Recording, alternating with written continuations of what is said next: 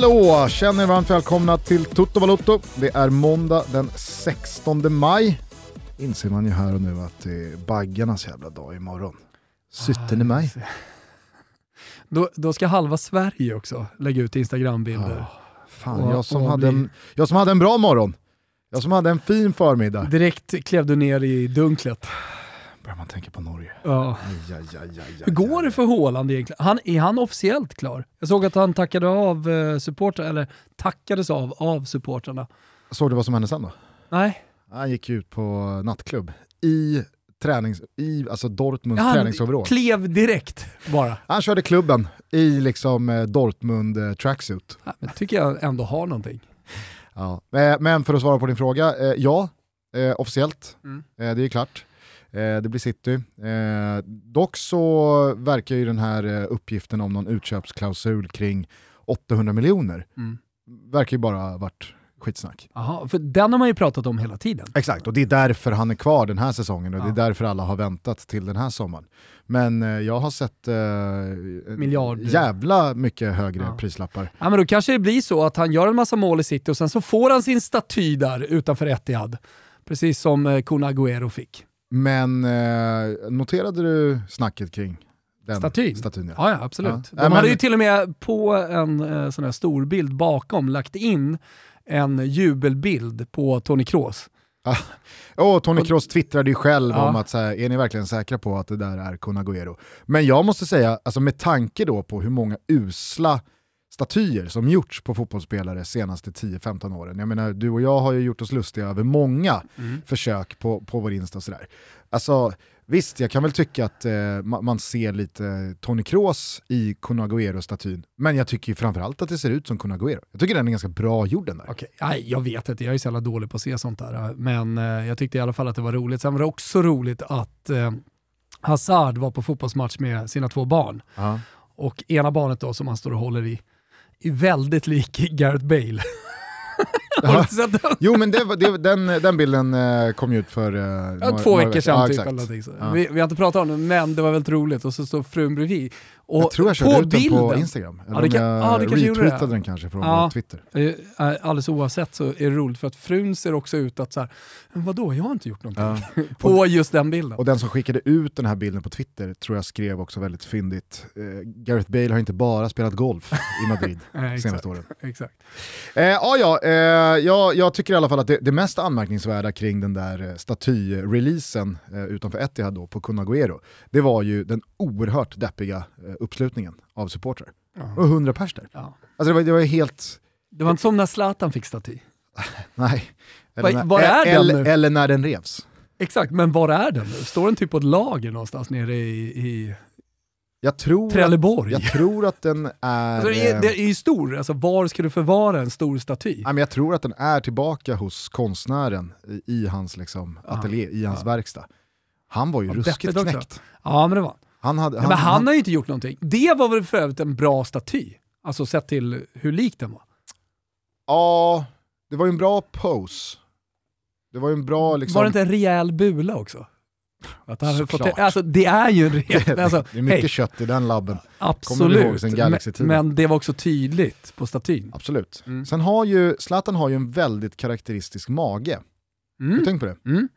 Han har ju också, liksom, eh, det är, det är ingen jättevolym på hans pecs, men de är oerhört markerade, alltså Just det. bröstmusklerna. Mm. Eh, jag vet inte, han, har ju, han har en kropp som är väldigt liksom, lätt att spotta, det där är Zlatans kropp. Mm. Eh, både med, jag vet fan Så den att korrekta om, latinmuskeltermen, men det som brukar kallas för kukvet. Mm. Eh, och sen så har du liksom, jag, jag, jag kan, jag skulle kunna, eh, Filip och Fredrik i Alla mot alla kör ju de, eh, eh, vad heter det, vittneskonfrontation va? Just det. Där de eh, har fem alternativ och så ska man då säga vem som är eh, Stina Karlsson, skidåkaren. Vilken är... Stina eh, Nilsson. Stina, Stina Nilsson. Ja. Frida Karlsson. Ja, Frida. Karlsson. Frida Stina Karlsson. Nilsson, numera skidskytt. Exakt, gammal skidåkare. Ja. Eh, nej men och så kan det vara, vilken är eh, klubban som de använder i eh, riksdagen, Mm. eh, talmannens klubba. Och så är det en bild på fem klubbor. Fem navlar, jag sätter Zlatans. Mm. Lovar att jag sätter Zlatans eh, navel. Alltså eh, solarplexus och ner, Ja, så att säga. exakt. Innan kuken börjar. Ja. Mm. Eh, två kvadratdecimeter. Ja, det räcker. Det, Det räcker för dig. Den tar jag alla dagar i veckan. Ja. Eh, men eh, det, det, det, det återstår väl att se vad som händer med den där statyn. Den ligger ju fortfarande skändad någonstans och så är väl snacket att Kanske den nu fixad. ska resas i Rosengård. Mm. Och där känns det väl som att även malmöiter som är upprörda över att han blev Bayern och sa som han gjorde om MFF Mm. eh, kan låta den vara. Okej. Där kan väl den få stå. Jag var ju en gång där i Rosengård tillsammans med Gianluca Di Marzio och hjälpte honom med ett reportage. Mm. Eh, och då hade vi ringt in Yxel Osmanov... Eh, Yxel Os... Yxel Osmanagic tänkte jag säga. Osmanovski. Osmanovski såklart. Eh, som eh, då, eftersom Yxel ändå var en idol för Zlatan eh, under hans uppväxt, som pratade om eh, hans, hans tid i, i Rosengård och alltihopa. Det här var ju pri bok och egentligen före allting sådär innan det, det var känt. Så han berättade den under en 10 minuters reportage. Och då var vi på den här Zlatan Court. Mm. Det var ju också en stor grej. Så här. Tyckte att den hade kunnat restaureras lite, Zlatan Court.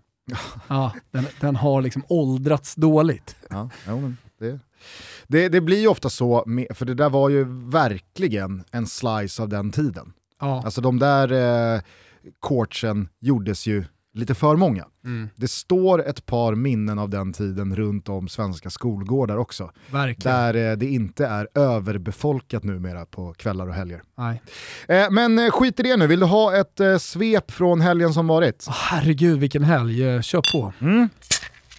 Vi närmar oss eh, verkligen slutskedet på den eh, internationella klubblagssäsongen och eh, då kanske ni tänker Heineken alkoholfri, vad gör de nu? Det är Champions League-final, går de in i en liten dvala här nu? Nej, men nu är det ju tiden för Heineken 00 sannoliken att knäppa upp en iskall och sitta och mysa i eh, hammocken eller på altanen eller var man nu vill sitta. Det är i alla fall sommartipset. Eh, den eh, godaste alkoholfria ölen där ute om ni frågar mig. Men slut innebär ju också början på någonting. För om bara några veckor så startar damernas EM. Jajamensan! Och på vår Instagram och tillsammans med Toto5 så kommer vi ha en eh, megatävling och jag kan väl avslöja att det kommer innehålla resa, det kommer innehålla vippiga inslag. Så håll utkik på vårt Instagram men framförallt knäpp upp en god Heineken 00 och njut av sommarvärmen. Nu kör vi svep. Är man i mitten av maj så är det klart att de högintressanta holmgångarna finns att hitta mest överallt. Klart att det spelas en hel del avslagen fotboll mellan lag som bara längtar efter havet, efter Fort Village eller den traditionsenliga bröllop och svensexa Forte Village. Eller den traditionsenliga bröllop och svensexa säsongen som nu drar igång, inte minst för våra svenska utlandsproffs som både ska gifta sig, leka av sig och eh, supa på eh, under två intensiva veckor innan försäsongen kallar. Så låt oss därför bara svepa matcher av betydelse från helgen som varit. Come on! För eh, vi börjar i England där Liverpool bockade av ännu en titel, den här gången FA-cupen, när man ännu en gång besegrade Chelsea efter straffar på Wembley. Trent Alexander-Arnold och Luis Diaz stod för kvaliteten, men oj vad tröttkört det såg ut mot slutet. Dessutom Mohamed Salah ut skadad, van Dijk av efter 90, Fabinho i sjukstugan. Det är klart att Real Madrids fyschef Antonio Pintus fjuttade igång en cigarr nere i Spanien. Men vi kan återkomma till fa Cup-finalen. Thomas Tuchel var ju nämligen väldigt Tuchelsk. Vad innebär egentligen den här titeln för Jürgen Klopps legacy? Och var det inte ruskigt mycket härlig pyro på Wembley? Är det inte ruskigt mycket härlig pyro överlag i England just nu? Uppsving där, mm, vi noterar. Ja, ja. Det höll på att bli mega-jackpot för de röda eftersom West Ham igår, i Mark Nobles sista hemmamatch, gick upp till 2-0 mot serieledande Manchester City under första halvlek. Peps gäng samlade dock kraft och löste 2-2. Dessutom kunde Riyad Mahrez kosta på sig att missa en straff fram till segern i matchens slutskede. Men eh, det är ju efter den här poängen således City som fortfarande äger matchbollen. Seger mot Aston Villa i sista omgången så behåller man ligabucklan och stänger ner Liverpools jakt på den episka kvadruppen. Tottenham passerade Arsenal i tabellen som ska svara ikväll mot Newcastle och i botten så verkar de flesta vilja följa med Norwich och Watford ner i Championship. Burnley torsk, Leeds bara kryss med ett nödrop hemma mot Brighton och Everton, detta deppiga, sorgliga Everton lyckas alltså förlora hemma mot Brentford när kontrakt ska säkras. Nej du Frankie boy, nej du. Tschüss! Folgen! För i eh, lördags så gick Bundesliga i mål. Erling Haaland gjorde ett sista mål för Dortmund innan han gick ut på klubb iförd sin egen träningsoverall. Union Berlin och Freiburg spelar Europa League nästa säsong och i botten så gjorde Stuttgarts Wataru Endo 2-1 på tilläggstid mot Köln och löste i och med det nytt kontrakt. Hertha Berlin får istället kvala och det mot de... de de... de... de... de... de... de... die Rotenhausen, äh, die Mannschaft av allen Mannschaften, HSV. Jag tror fan i mig vi drar ner om en vecka. Vi kan återkomma till det. Mm. Allez! Vidare till eh, fransken där Saint-Étienne gör bordet sällskap i nästa säsongs Ligue 2. Det blir fan bara mörkare och mörkare. Ingen spindoktor i världen kan snart rädda fransosernas högsta liga. Snart är det bara Metz och Brest Angers och Lorient och Lens och Rennes och Troyes och äh, fy fan! Dessutom verkar Christophe Gattier och hans Nice vika in den. Cupfinalförlusten följdes nämligen upp med torsk mot Lille och nu behöver man få ganska mycket hjälp ifall det ens ska bli Europaspel nästa säsong. Merd!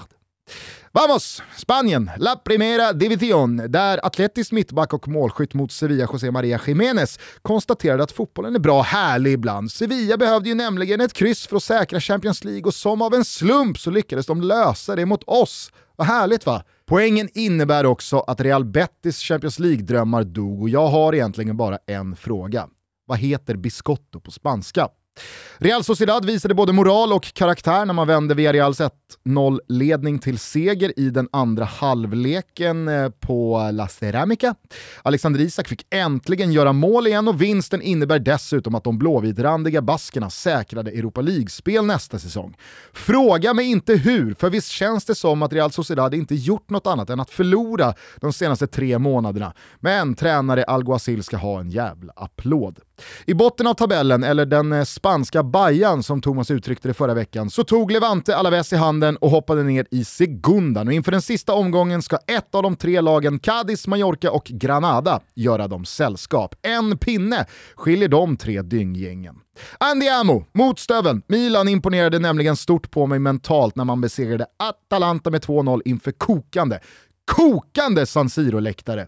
Rafael Leao satte ännu mera avtryck på den titel man jagar och Theo Hernandez gjorde ett solorädsmål som jag tror det kommer talas om i decennier i den italienska fotbollshistorien om detta nu slutar väl för Milan. Vilket mål, vilken seger, vilka scener! Men något firande blev det inte natten lång. Inter följde nämligen upp Milans seger med att borta besegra Cagliari på Sardinien med 3-1 och således är läget oförändrat i toppen inför avslutningen. Lautaro Martinez visade klass, Matteo Darmian visade spänst och Inter visade att de inte gett upp hoppet och att Milan ska få svettas för det hela jävla vägen in. Som alltid när Gugge sveper så avslutar vi allsvenskan och vad var det jag sa om Elfsborgs offensiv i fredags? Ny torsk, 2-0 borta mot Sirius. Och det går såklart inte att ha några guldstridsambitioner om man inte gör några mål i hälften av matcherna. Och vad var det vi sa om Degen då? Skulle inte den där monstervändningen mot Giffarna bara av farten ge dem ytterligare poäng mot Helsingstjärt? Jo, då. Och vad var det vi sa om Giffarna efter samma kollaps? Okej, vi kanske inte sa det jättetydligt, men både du och jag Thomas fattade ju att Peking bara skulle klä av dem fullständigt. 5-1 hade kunnat vara det dubbla och Norlings Norrköping har nu fyra raka segrar. Men Giffen, nej, det luktar superettan lång väg. Eh, Cirkus Blåvitt, ånga på. Jajamän, en krampaktig pinne mot Varberg igår och disharmoni precis överallt jag kikade. Den där bangen, eller eh, pyrotekniska fyrverkeripjäsen som kastades in från Övre och som smällde av i en fotograf. Aj, usch. Jag börjar faktiskt bli ruskigt less på den här repiga Blåvitt-skivan nu. Jag pallar inte se dem så här mer. Värnamo tog ner Mjällby på jorden och eh, Alexander Jeremejeff gör mål på allt för dagen i det Häcken som mot alla odds, experter och lustigkurrar ångar på i toppen. Och vad händer egentligen när Per-Mattias Högmo fattar att man alltid är ett bättre lag med inrikeskorrespondent Erik Friberg på plan från start? men då kan det här bära långt. Vi avslutar på Tele2 där det efter 3-3 fanns en hel del förlorare, men Darjan Bojanic, Bodo Janusovic, Astrid Selmani och i viss mån då Bayern som tappade två ledningar i den andra halvleken får ursäkta. Kristoffer Karlsson och hans domarteam stod i en klass för sig igår. För även fast jag är den största VAR-motståndare vi kan uppbringa i det här landet så insåg även jag igår att det här aldrig kommer funka. Det kanske inte kommer sluta med VAR eller den budgetlösning vi i Sverige kikat på, men vi nådde någon slags point of no return igår. Domarna är för ofta för svaga och för många på för många läktare skriker allt för högt om hur jävla usla de är. För många spelare och ledare antyder för liknande åsikter och vi i media har en tendens att fokusera för mycket på för många domslut. Nej, det är för mycket som talar för att vi nått ett läge som bara är för ledsamt att konstatera. Pepsi, fan, säg något. Larma om du lever Pepsi! Man, ja. man undrar ju hur det såg ut hemma hos Pepsi när Kristoffer Karlsson tar eh. Gnagets straff igår. Ja. På eh, Mats Wengers Men det, den är också otrolig med tanke på att eh, du har, du har är ens en linje- arm har, mot en kropp? Eller det, är, det är väl bara typ lats? Typ, det är Fengers lats, ja, högra lats. Ja, alltså en axel eller, eller vad det nu är. Eh, Men du har ju dessutom för att liksom försvåra läget ytterligare en linjedomare som står och liksom bör se den situationen också och som borde reagera Samma linjeman då som bränner offsiden. Ja, på, På- på exakt. exakt. 1-1. Och den, den, den kan ju tycka, den kan ju tycka, alltså så här, även om det är eh, en decimeter, två decimeter, eh, vad det nu är, eh, och det är ganska lite, så kan jag ju tycka att den känns så klar. Den känns så, känns så enkel att ta. Det Mm. finns, jag förstår jag menar att det finns decimeter offsider som är svåra och de som är lite lättare. Jag tycker att den här tillhör det lite lättare. Skitsamma, jag kan köpa Mm. det. Alltså, så, så här, har vi inte VAR, det, det, det, det är ett tajt domslut, det är Ja, men- många spelare, det är solen i ögonen och så vidare. och så vidare. Jag, jag, har, jag har inga stora problem med det. Nej, och det där har ju du och jag pratat om flera gånger. Att Ja. om man inte vill ha VAR, då får man också köpa in sig på att sådana där felbeslut kommer ske Exakt. här, det kommer ske där. Ibland får man dem med sig, ibland får man dem emot sig. Men det där är ju så det har sett ut i Men alla man år. märker ju, du pratar ju om media också, man märker ju på eh, när, när eh, kommentatorer, experter och så vidare pratar. Jag tror det var Jens, Jens Fjällström som sa igår att Ja men det det där, är ju, den där blir, det där blir ju bortdömt med VAR. Mm. Alltså så man pratar hela tiden som om att VAR är på väg eller finns. Så liksom så här, ja hade VAR funnits så hade det där inte blivit mål. Ja, så är det en ny så här, ja, handsituationen, ja hade VAR funnits så hade man ju tagit bort den där situationen. Så, att, så här, vi lever ju liksom är- i en VAR-värld. Man pratar om det som att Mats Engqvist eh, liksom bara sitter och, och finjusterar de sista muttrarna på de Ja. sista kamerorna borta hos SEF. Och samtidigt Så så, kör vi igång här nu i juni. Exakt, och samtidigt så pågår då diskussioner på sociala medier mellan supportrar eh, hela tiden. Oh, men om VAR, på, på samma sätt, om VAR hade funnits. Ja. Och så är det några som ryter till, vi ska fan inte ha VAR i vår vackra fina allsvenska. Ja, men Gnagets straff de fick där eh, mot eh, Varberg var det va? Eh, när Ladebäck då gav en present tillbaka Ja, efter eh, Malmö. Den kan i för sig- den- Absolut, jo men i då, var- Italien då var, är ju ja, en men då var det ju väl, ja, ja, nu gör ju du samma sak, för det var ju då väldigt mångas argument. Var fastställer den där straffen? Då pratade man om det som att så här, Jag menar så här, eh, eh, ja och det är ju poängen, det Ja. du säger och det, det jag är inne på här. Så, så att, vi, att vi lever ju liksom i en VAR-värld och det kommer vi inte komma ifrån. Nej. Det kommer vi fortsätta göra om ett år, två år, tre år, alldeles oavsett om vi har VAR eller inte. Och, och det tycker jag så blir problematiskt. Att, vill vi leva i den gamla fina allsvenskan, gamla fotbollen, då, då måste vi liksom avskärma oss ifrån och acceptera att va, nu har vi inte VAR, nu, nu lever vi här och nu Ja. med, med, med de eh, hjälpmedel, höll jag på att säga, med de, de domar som finns. men, Men det eh, kan vi inte göra heller, det är ingen som accepterar det. Och därför har vi kommit till, som du säger, till någon slags point of no return. Det, det, det, det var all time low kanske igår då. Ja, det är jag beredd att skriva under på. Och det kan man ju tycka, även fast man är en VAR-motståndare. Att den här dom, alltså, Jag vet, men Va- vi ska ändå men- förhålla oss till då Nej. att VAR finns ru- runt om. Ja, absolut. Jag menar bara att bara för att man inte vill ha VAR så tycker man ju inte att alla domarinsatser är bra. Nej. Eller att alla domarinsatser eh, är Eller att legitima, eller att det är rimliga. blir rätt. Nej, nej, heller. precis. Eh, Men låt mig vara tydlig. Kan du, kan du låta mig vara tydlig? Jag vill ju med det här inte liksom kasta sten i glashus och bidra till det jag noterar och jag tycker känns jävligt tråkigt och ledsamt. Utan jag vill bara konstatera att efter igår så kändes det som att vi har, vi har, vi har fastnat. Alltså vi har målat in oss i ett hörn som vi inte kommer kunna ta oss ur. För så som kritiken mot domarkåren har piskats upp de senaste fem åren gör ju att jag, alltså så här, jag, jag ser inte en, en, en framtid som tar oss ur den. Nej. Och jag, jag, och, och, och jag, tror inte att den heter, den heter inte VAR, och det heter inte, ja men man kan ha ett dåligt halvår, och precis som eh, spelare och lag som kan göra sämre säsonger så kan eh, domargänget också ha en Så har du ju din eh, åsikt också, som vi kanske ska addera till det, att eh, förtjänar allsvenskan så mycket bättre domare? Nej men vi, vi har väl, alltså, precis som vi har den 23 bästa ligan sportsligt. Ja. Eh, så har vi de 23 bästa Så domarna. har vi förmodligen domare som matchar det. Fast igår så Problem... tog, vi, tog vi då in eh, domare från liga nummer 100, eller? igår, igår dök eh, Esten upp. Nej men alltså, nu, nu, nu ska jag bara låta dig få studsa på det jag tänkte mm. då på igår och eh, fnulade vidare på i morse. För det, det det har hetat hela tiden är ju att ja, men allsvenskan förtjänar inte den publik och supporterkultur vi har byggt under de senaste 20-25 åren. Och är det inte lite där skon klämmer? Att det blir en sån jävla clash mellan mängden publik som är på läktarna, hur mycket och stark och högljudd röst supportrarna har, det här otroliga intresset kring allsvenskan, blir ju en backfire då på att vi har de 23-24 bästa domarna. Förstår du vad jag menar? Ja. Hade vi haft en läktarkultur, supporterkultur, men kanske framförallt ett intresse för som, vår högsta liga som i fotboll. 1993? Som, eller som matchar mm. det vi faktiskt har på plan, ja. det vi faktiskt har i domarväg. Mm. Då hade liksom Kristoffer Problemet är att vi är världsklass på, exakt, på, på läktarna. Exakt, vi har ett intresse ja, som inte är ens i närheten av motsvarande, och, i, och det säger jag verkligen till 100% i positiva mm. ordalag. Det är ingenting jag vill liksom, tillbaks till 4000 i snitt.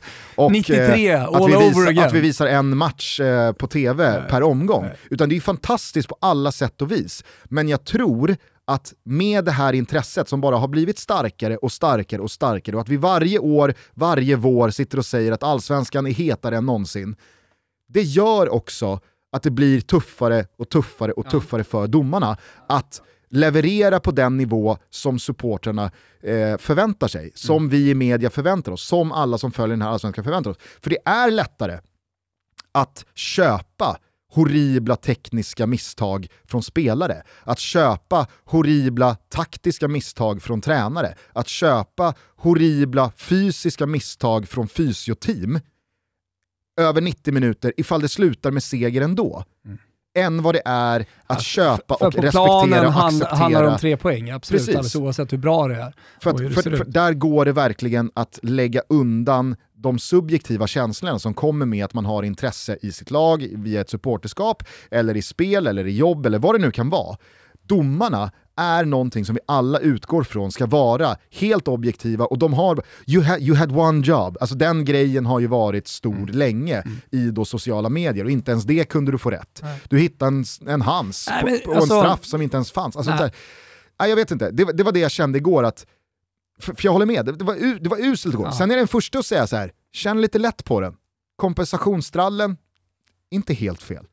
Alltså, Kristoffer Karlsson vet ju att när han går ut i andra halvlek, det var ju offside. Ja. Nu, det här är inte bra. Ja, ja, nej, men, det här är eh, inte man bra. har ju räknat ut det, att det tar väl ungefär 17 sekunder, sen så vet bänken exakt vad ja. som har hänt för att det sitter folk med paddor och sådär och kan kolla på repriserna. Så Kristoffer Karlsson och hans domarteam kommer in i paus, inser att det där skulle ju inte ha stått, nej. det där målet, det där var ju offside. Mm. Eh, Bayern får ju sen en solklar straff. Eh, mm. och, liksom, alltså när, när de leder med 2-1 mm. och ges då en möjlighet att stänga. gå ifrån till 3-1 och mer mm. eller mindre stänga matchen. Den måste ju Kristoffer Karlsson ta, men han mår ju inte dåligt när eh, Bojanic missar. Nej. Och han vet att nu, nu, nu! ge, mig minsta, li, ge mig minsta lilla i det här straffområdet och jag blåser för AIK. Och jag kan Nej, men, och där ju, som VAR-motståndare, som fotbollsromantiker, ja, ja. som någon, då kan jag känna så här, bra, Mm. Bra Kristoffer. Nej, men, eh, Kompensationer, finaste vi har. Och, och, då är vi tillbaka till någonting där vi verkligen måste prata om. Jag vet att domarna går till psykologer och sånt där, men man måste ta upp eh, det undermedvetet psykologiska eh, som påverkar domslut. Det är exakt det du pratar om, eh, som jag kallar för soditanza psychologica förut, ja. som man pratar väldigt mycket om i, jag har sett i Spanien, i Italien, och det är en diskussion som man håller öppen från domarförbundet och eh, man jobbar väldigt mycket med det. Eh, och som Pepsi, som Pepsi stängde. Ja, Ja, för nej, den finns inte. Vi, liksom, vi blir inte påverkade av någonting. Alltså, Krille Karlsson igår, han är påverkad. Han har, alltså, suditanza psychologica, det är, liksom, det är det enda som finns i honom under den här matchen. Jo men alltså den där bollen hade kunnat ta på Fengers vad. Ja, ja. ja. Straff. Och, frågar dig så här. Med facit på hand, med de förutsättningarna som råder för svenska domare, med det klimat vi har, tycker du att det är bättre eller sämre med facit i hand att det blir 1-1 i horribla domslut än att det blir 1-0 åt något håll? Mm. För Alltså, jag, kan jag ju, vet jag ju hur ju känna... snacket blir bland supportrar Ja. efter om det blir 1-0 eller 2-0 till ett lag i horribla domslut. Ja, det jag blir kan- mindre snack igår. Eller det är i alla det fall blir- inte det, det- som tar över diskussionen efter matchen, utan det är så här, oh, men ni hade dåligt, nu är det dåligt. Nu enas vi i att, att Krille Karlsson var usel. Alla var överens om att det var en horribel domarinsats. Exakt. Men det gick inte åt något håll att någon Hade det drog däremot för... gjort det, då, då, hade det ju, då hade det varit så. Och då, den diskussionen gillar jag, alltså jag tycker den är Krill- tråkig. Krille löser ju det här. Han, fattar ju. sätt nu, liksom- lever vi, nu ligger vi pyrt till här. Ja. Nu lever vi farligt. Men problemet Hur att Sverige- lösa detta? Vi löser, tre, vi löser ett kryss. Problemet lite grann i Sverige också, och, eh, som jag misstänker att Steffi Pepsi tycker är lite jobbigt, det är att det inte finns... Steffi, Steffi Pepsi. Steffi Graf tänker man ju på såklart då. då. Tyska tennisspelaren. Var fantastisk under tiden, vann allt. mm. Ehm, var väl eh, eh, den som eh, Serena Williams till slut passerade va? Eh, jag tror, det borde ha varit det ja. Ja, exakt. Däremot så är det lite tungt för tysk tennis just nu. När Boris Becker sitter och finka i London. Det var inte vilken, det var inte vilken kåk som helst. Nej, nej. Jävla bilder som Läste kablades också ut. att eh, fångvakterna var, var trötta på honom. Lever ju rövare där inne i cellen. Ja. tror tyvärr att han kommer tappa det lite här nu, Boris Becker. Ja, det var ju min hatgubbe för- för, övrigt som Steffe Edberg och Mats Wilander. jävla, men- jävla vad han hållit ihop det hittills. nu börjar du känna när han sitter fängslad på, på en jävla 1700-talsfängelse. Och vet du, det sorgligaste i den där artikeln jag läste på Expressen, det är att det här fängelset ligger typ fem kilometer från Wimbledons Wimbledon, jag Center vet, jag vet, det känns alltså symboliskt som att de har alltså, britterna kan ju faktiskt ta ett sånt beslut, bara Mm. välja, bara för att markera. Ja. Eh, var var vi någonstans? Eh, Steffi Graf. Ja, Steffe Nej, vi var på Nej, men Jag tror att det, det, det stora problemet för honom som man kanske suckar över ibland när han försöker utveckla sin verksamhet, det är ju att det finns ju inga alternativ. Alltså jag menar så här, i Italien stänger du av domare och du kan ju ta bort en domare från en specifik match under en väldigt lång tid, eh, till och med på livstid. Jag och jag menar, vi igår- har ju bara under säsongen i år en domare som har fått åka ner till Serie B och döma. Fick inte vara kvar i Serie A. Jag såg någon igår som på, på allvar menade på att nu är det bara rycka Kristoffer Karlssons licens faktiskt. Problemet är, vem fan är det som ska in då? Är det någon nisse Ja, från det, är det, ettan? ja, men det är liksom? det här jag menar, vi har ju nu nått en point of no return, vi har, vi har skapat en cirkel, en ekvation som inte går ut någonstans. För som du säger, Steffe Pepsi ser ju också den här insatsen. Steffe Pepsi kliar sig också i, i ögonen, suckar djupt och känner Nej men det, det här går ju inte längre att... För, han försökte ju i, i, eh, i, i premiäromgången, så var det väl Edvardsen som var ute och, och svingade mot domarkåren. Och då försökte ju Steffe Pepsi stå upp med att så här, ja men spelarna är inte så jävla bra de heller. Nej, Alltså lite så han här, körde ju slå tillbaka på, på det sättet. Och det gillade man ju. Mm. Men den retoriken kan du ju bara föra med rak rygg om det på något sätt också ibland blir väldigt bra. Eller att det blir i alla fall bättre. Men när det nu, när alla nu tittar på, på den kanske sämsta liksom, domarinsatsen hittills, då, då blir... Som som tur var inte bidrog till att ett eller ett annat lag vann. Det, det hoppas jag folk inte liksom glömmer bort. Notera, vi är inte... Alltså, jag, jag, jag tycker inte det var helt fel insats av Kristoffer Karlsson igår. Även fast domsluten var ju liksom, alltså så här, vi, vi, ett mål kan man väl köpa att det blir fel här och där, men när det blir två så märkligt feldömda mål i en och samma match av den digniteten, nej det går inte. Det- jag skulle kommentera, men då vet ju, som du är inne på då, Pepsi, att det, det finns ju ingen åtgärd. Vi vill ha VAR, men samma supportrar som hänger oss högt efter varje jävla felvissla är ju samma supportrar som vägrar VAR. Ja.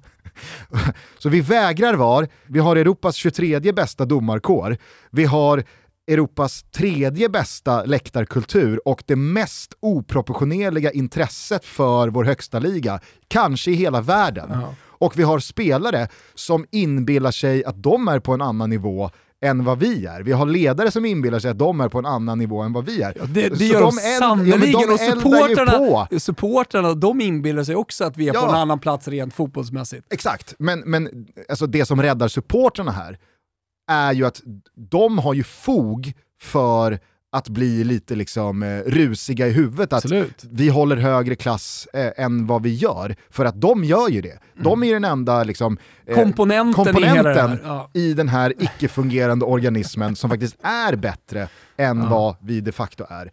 Men de, de, måste, de måste kunna särskilja sin det, roll. Det, det, det har ju blivit, och, med, med prestationen igår av Krille och hans liga, det, det, det gör ju liksom att det är vårens snackis i Mm. Allsvenskan. Eh, har du hört någonting om villkorstrappan? Nej, det har inte varit mycket. Eller hur? Å andra Man sidan har väl det där gått lite åt rätt håll va? Ja, men känslan är, alltså nu har inte jag följt det de senaste månaderna, men eh, jag tror att eh, klubbarna med eh, Djurgården, AIK, Malmö, jag, jag vet inte, jag tror också kanske Göteborg, Bayern, eh, med Rickmer och Stefan, Stefan Söderbergs son, Fredrik Söderberg och eh, vad heter han, dundergubben i Djurgården? Mats? Eh, Mats Jonsson, exakt. eh, eh, Och gänget nere i Malmö eh, också. Att, att det, det, då, jo, men, hej, allsvenskan är inte liksom min hemmaplan vad det gäller namn och namedroppande. Men eh, jag, jag har en bild Malmö, på har, han nere i Malmö Malmö. har så mycket. ja, men De- jag har en bild på en gubbe vars dotter typ är med. Men du och- tänker väl på Tony Ernst? Ja, så är det. Ja. Exakt, exakt. Tony Ernst. Eh, att, att de kanske, eh, alltså trycket som de har satt Vet du vad sjuka är? har gjort Tony Ernst eh, hade ju länge för sig, jag vet inte om han fortfarande gör det, han, han badar ju väldigt mycket i havet eh, där nere. helt rätt. Och så skickar han ju ut bilder för att han är en sån här extrembadare. Det ska badas året runt. Så fan vet om jag Också en inte, trend. fan vet om jag inte hade kunnat ta Tony Ernst navel också i en vittneskonfrontation. jag har sett den oerhört mycket, hans barkaka.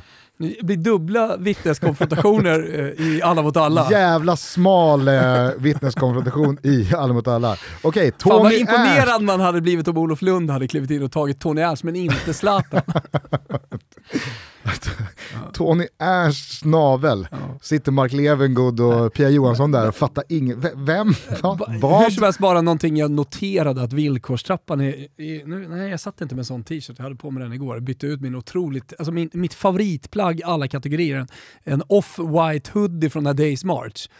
Den bytte jag ju mot en eh, stoppa villkorstrappan eh, efter, efter derbyt förra året mot Djurgården. Ah, okej. Och sen så har jag varit på Days March ungefär hundra gånger och velat eh, ha tillbaka den där, men den, nej, den kommer ju inte. Jag fattar. Ja. Hörrni, vi säger varmt välkomna ner i Totobåten till Joel som har funnits sedan 2015. Och vad är nu det? De säljer måltider och de gör det världen över. Varför säger jag det? Jo, för de har sålt över 200 miljoner måltider världen över. 10 miljoner bara i Sverige, så många som lyssnar på det här har säkert stött på Joel tidigare. Det är nyttigt, det är praktiskt, det är näringskomplett mat till ett bra pris. Och dessutom så har det minimalt med negativ inverkan på miljö och djur. Det är snabbmat, men det är inte skräpmat, kom ihåg det. Och alla produkter är veganska. Missa inte heller deras Black Edition. Eh, den är också växtbaserad, glutenfri, laktosfri, hög proteinhalt, eh, naturligt sötad. Framförallt i en komplett måltid med alla nödvändiga vitaminer och mineraler. Den innehåller till exempel lika mycket protein som sex ägg, mer C-vitamin än en apelsin och mer omega-3 än en laxfilé. Som om inte det vore nog så är det lågt glykemiskt index, 19 för er som har koll, så energin släpps långsamt ut och man håller sig mätt länge. När ni går in på joel.com thomas så medföljer en t-shirt och en shaker. Sa jag förresten att det var gratis eh, frakt? Ja, men då säger jag det nu. Det är också gratis frakt. Vi säger stort tack till eh, Joel för att ni är med och möjliggör Toto Balutto. Tillsammans med Swedish Match och eh, stiftelsen Håll Sverige Rent så vill vi lyfta informationskampanjen eh, som ni hittar på Tack för att du slänger snuset i soporna.nu. Ni hör ju vad det här handlar om. Vi pratar om beteenden som sitter i eh, ryggmärgen. Vi pratar om snusbriller som faktiskt ligger här och var. Om jag kollar ut i studion här just nu så ligger det faktiskt en prilla på marken också. Alltså det är ju lätt hänt att man bara liksom kollar lite bakom ryggen, kollar lite runt och sen så blåser man ut. Ni vet, sådär. Blåser ut prillan rätt på marken. Jag tror att det var vanligare på 80-talet. Jag tror vi har blivit eh, bättre, men vi kan definitivt tillsammans göra Sverige betydligt, betydligt mycket renare från snuspriller precis överallt. På Tack för att du slänger snuset i soporna.nu finns mer information om hur vi tillsammans då kan minska nedskräpningen. Det är ett beteende som sitter i ryggmärgen, men det är också ett beteende som är väldigt, väldigt enkelt att bryta. Det är bara att börja slänga snuset i soporna. Ta den här extra två metran eh, eller vänta lite med att ta ut snuset. Lägg det kanske i locket så länge. Men eh, jag tror att vi tillsammans eh, kan bestämma faktiskt att eh, vi, vi slänger snuset i soporna. Vill du läsa mer, gå in på hemsidan tack för att du slänger snuset i soporna.nu. Toto Balotto är sponsrad av Frilans Finans. Eh, det är Sveriges största egenanställningsföretag som gör det möjligt för människor att fakturera utan eget företag. Är ni är med på vad jag menar här? Egenanställning innebär ju att du som privatperson utför ett uppdrag och sen så fakturerar uppdragsgivaren utan att ha F-skatt. Så man slipper allt eh, mankemang med bokföring och eh, moms och skatt och allt vad det är med det. Supersmidigt. Hur som helst, för några veckor sedan så pratade vi om dem på vår Instagram och så gjorde vi samma veva en liten undersökning bland er, alltså bland våra lyssnare. Och så ställde vi frågan om de var nyfikna på frilanslivet eller inte. Och majoriteten av er svarade ja. Och det är jäkligt kul att se att så många är nyfikna på frilanslivet. Och för mig som har varit eh, frilansare länge så är det ju fullt, fullt förståeligt. Det är en lockande tanke att vara sin egen chef såklart. Och går du i tanken om att du vill pröva på att göra din egen grej, att vara kreativ och verkligen satsa på det, ja, men då är det klart att du ska testa det här utan en massa krångel. Det är väldigt enkelt och det gäller faktiskt även dig som redan fakturerar på kontinuerlig basis. Exakt vad du jobbar med, exakt vad som är din grej, det spelar egentligen ingen roll. Du kan vara egenanställd som både IT-utvecklare, städare, skribent eller ja, vad vet jag, det kanske finns någon DJ som lyssnar på oss. Alla kan spara tid och göra något roligare än att sitta med en massa pappersarbete. Du är dessutom försäkrad via Frilansfinans och har tillgång till deras personliga rådgivning. Sånt är viktigt när du behöver extra hjälp. Det kallar i alla fall jag tryggt och enkelt. Gå in på frilansfinans.se. Vi säger stort tack för att ni är med och möjliggör Toto Balotto.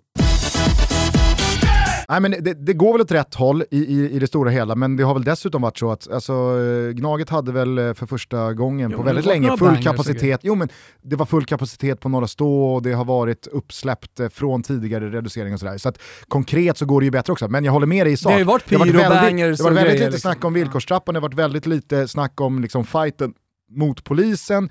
Eh, nu får vi väl se vad som händer här efter eh, bangen igår på, på Ullevi. Ja. Eh, jag var i, i sändningsmode då eh, med Fotbollssöndag Europa, så jag, jag, jag följde eh, Blåvitt-Varberg väldigt lite. Jag noterade bara att liksom allting återigen då bara blev fel för, för IFK Göteborg. Ja, just eh, tajmingen, eh, men eh, de, de, de, är så icke kraftfulla de svenska baggersen.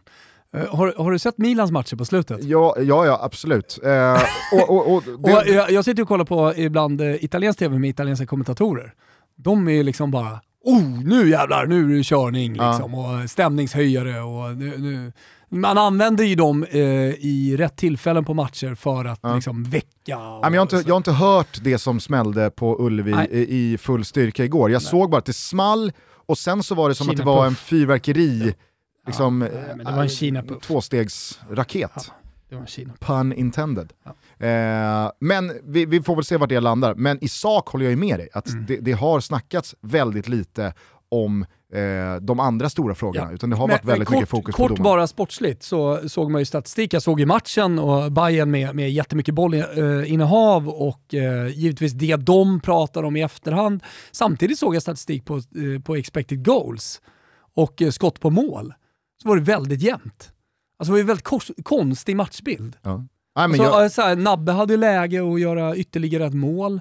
Alltså sett i så farliga eh, målchanser så, ja, sen, så var det ganska jämnt. Fast sen är det väl också så, och det tycker jag att väldigt många alltså, i 79-21, sina... det är ju liksom eh, Pep Guardiolas tiki-taka-spelande Barcelona mot Las Palmas ja. en gång i tiden. Ja, men jag tycker generellt, eh, om vi nu ska liksom hålla oss kvar i hur alla komponenter i den allsvenska cirkusen ser på matcherna som spelas så tycker jag att väldigt många ibland glömmer bort i liksom så här, sina matchanalyser och sina efter matchsnack att alltså, olika lag är ju olika lag av en anledning. Det känns ibland som att hela XG-apparaten har gjort att man tror att vi ställer ut två likadana lag som möter varandra. Mm. Och så ska vi se vilka som spelar samma fotboll på bäst sätt. Mm.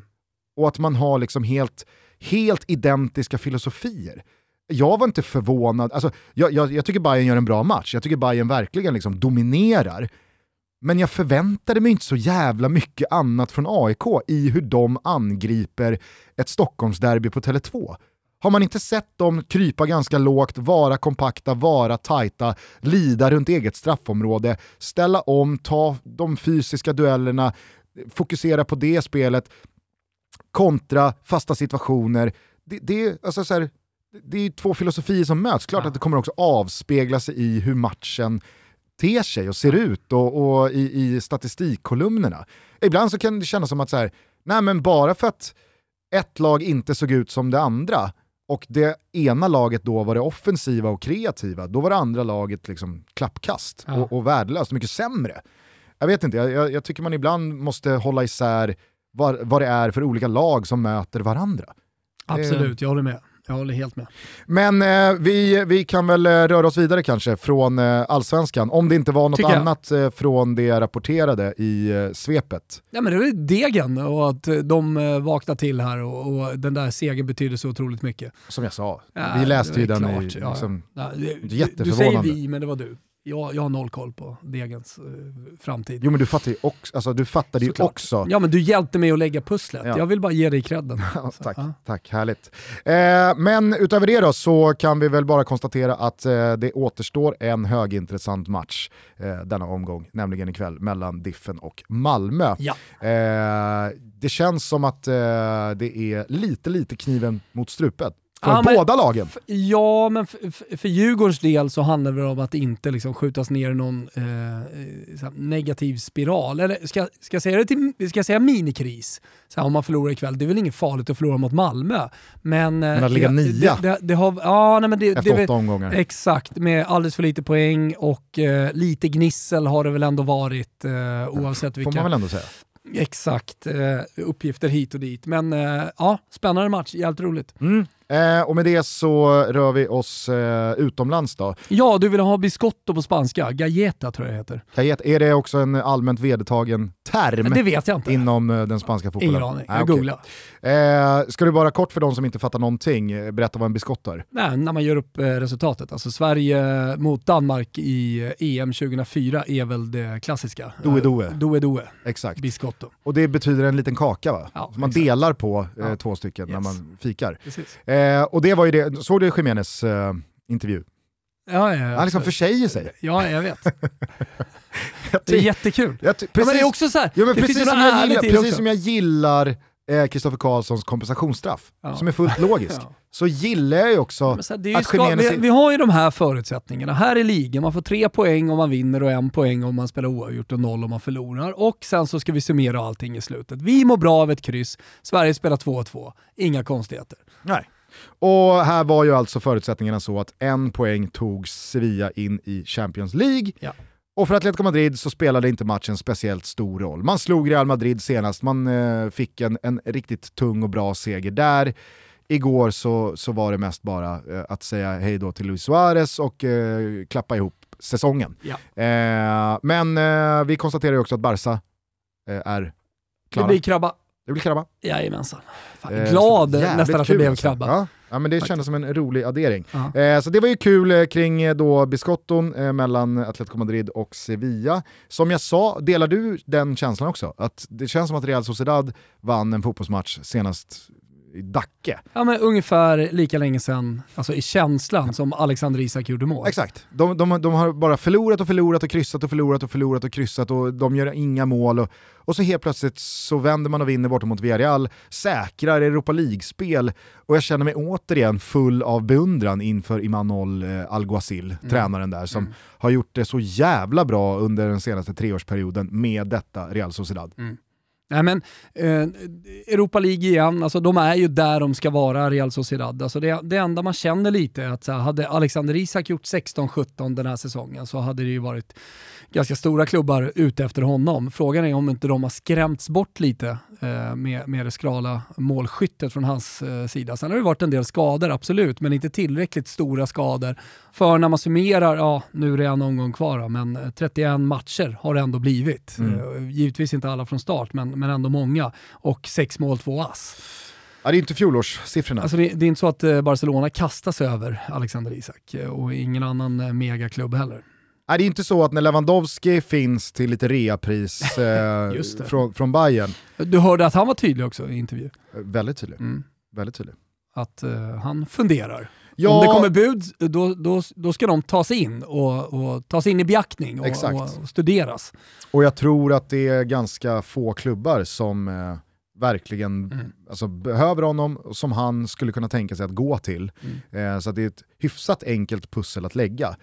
Eh, men vi pratade lite Juventus där förra veckan, mm. och det skulle väl vara en ruskig ruskig monstervärvning att svara upp på Dybalas exit med att men då plockar vi in eh, Lewandowski. Mm, exakt, eh. plus att det är Pogba Day, eller P-Day som de kallar det i Gazzetta dello Sport idag, för att eh, nu ska Juventus entourage och ledning, eller det blir ju Juventus ledning då som ska möta Pogbas entourage Just det. idag. Eh, nej men och sen så är väl Barca en, en eh, högst trolig destination för Lewandowski, sen, men jag sen, skulle kunna tänka de, mig... De verkar ju återigen ha hur mycket pengar som helst. Ja, ja, ja, ja spelar ingen roll det som har hänt. Ja, men, man fattar, återigen så här, fattar ingenting. Deras, alltså man brukar säga eh, på eh, ett engelskt uttryck att the, the, the, books are cooked, när man liksom har fifflat med bokföringen. Alltså det är ett sånt jävla spanskt långkok som mm. har bedrivits med de där böckerna, så det är ingen som fattar någonting längre. Allt har ju bara upplösts till en enda lång avbetalning med nollränta mot eh, noll krav och så kan man bara skjuta alla liksom reglementen framåt i tiden. Eh, Manchester United är väl en eh, också Eh, potentiell klubbadress för Robert Lewandowski. Eh, han kanske inte är så sugen på de sportsliga förutsättningarna i och med att det inte ska spela Champions League och så vidare. Men cashen finns, behovet finns, eh, i synnerhet om Cristiano Ronaldo skulle lämna, Cavani försvinner, Ten Hag kommer dit och ska bygga något nytt. Han kanske vill testa på England och Premier League. Jag menar City behöver honom ju inte efter eh, Haaland har signat. Eh, Chelsea, de har fullt hus. Eh, Liverpool kan jag inte tänka mig skulle kunna vara intresserad. Alltså det, det går ju emot allt, liksom. även fast Klopp och Lewandowski har firat framgångar ihop förr, eh, så kan jag inte tänka mig att den typen av värvning skulle vara liksom det Klopp följer mm. upp sitt nya kontrakt med. Ja. Fan vet om inte ska vi ta in en 35-årig Lewandowski. Nej, det, det tror jag inte. Men, men de känner sig också ganska trygga i att inte ta in honom, att ja, ja. låta honom spela i en, i en konkurrent. Inga problem. Klarar sig ganska bra utan honom. Klar, klarar sig ganska bra. Jag, jag, jag tänker hela tiden här, i, i det här avsnittet, dels när du gjorde svepet, nu när du sitter och pratar, att det, det, det händer så mycket de sista omgångarna som inte är klubbkopplade, alltså, eh, som är det stora, en, en bottenstrid eller en, eh, en titel titelstrid. Så till exempel när du börjar prata om Manchester United så tänker jag på den här otroliga avslutningsvideon som man gjorde, eller eh, avslutningshälsningen, eller vad man ska säga, hälsningen till Ten Hag när han lämnade Ajax. Otrolig liten video som han skickade ut. Och ja. det, det, det, är inte den första som Ajax gör. Många sociala medieansvariga som kanske borde kika lite ditåt hur man jobbar. Eh, de har varit jävligt bra med tröjorna och, och, den här var så otroligt snygg, slagkraftig på en och en halv minut. Eh, och när du börjar prata om liksom Lewandowski, ja, då börjar man direkt tänka hur ska han passa in i Ten Hag? Ten Hag och hur har han spelat? Och, han har ju haft hand liksom, om ungdomar. Det är ju mycket det man mm. tackar. Mm. Det, det, det, var egentligen det jag tänkte på, liksom, att i den här eh, eh, avslutningshälsningen vad är det för någonting då? Ja men det är väl, det är ja, väl vad det är? Ja, ja exakt. Hej då-video. Hej då-video. Ja, eh, så är det liksom så här, tack för allt du gjort för våra djungen, typ, så här, våra unga. Att han har tagit liksom unga spelare från akademin och utvecklat dem till stora spelare med allt från Delicht och, och framåt och sådär. Och det, det, det blir ju kanske lite det man har som frågetecken då till Ten Hag. Att så här, hur blir det att hantera världsstjärnor?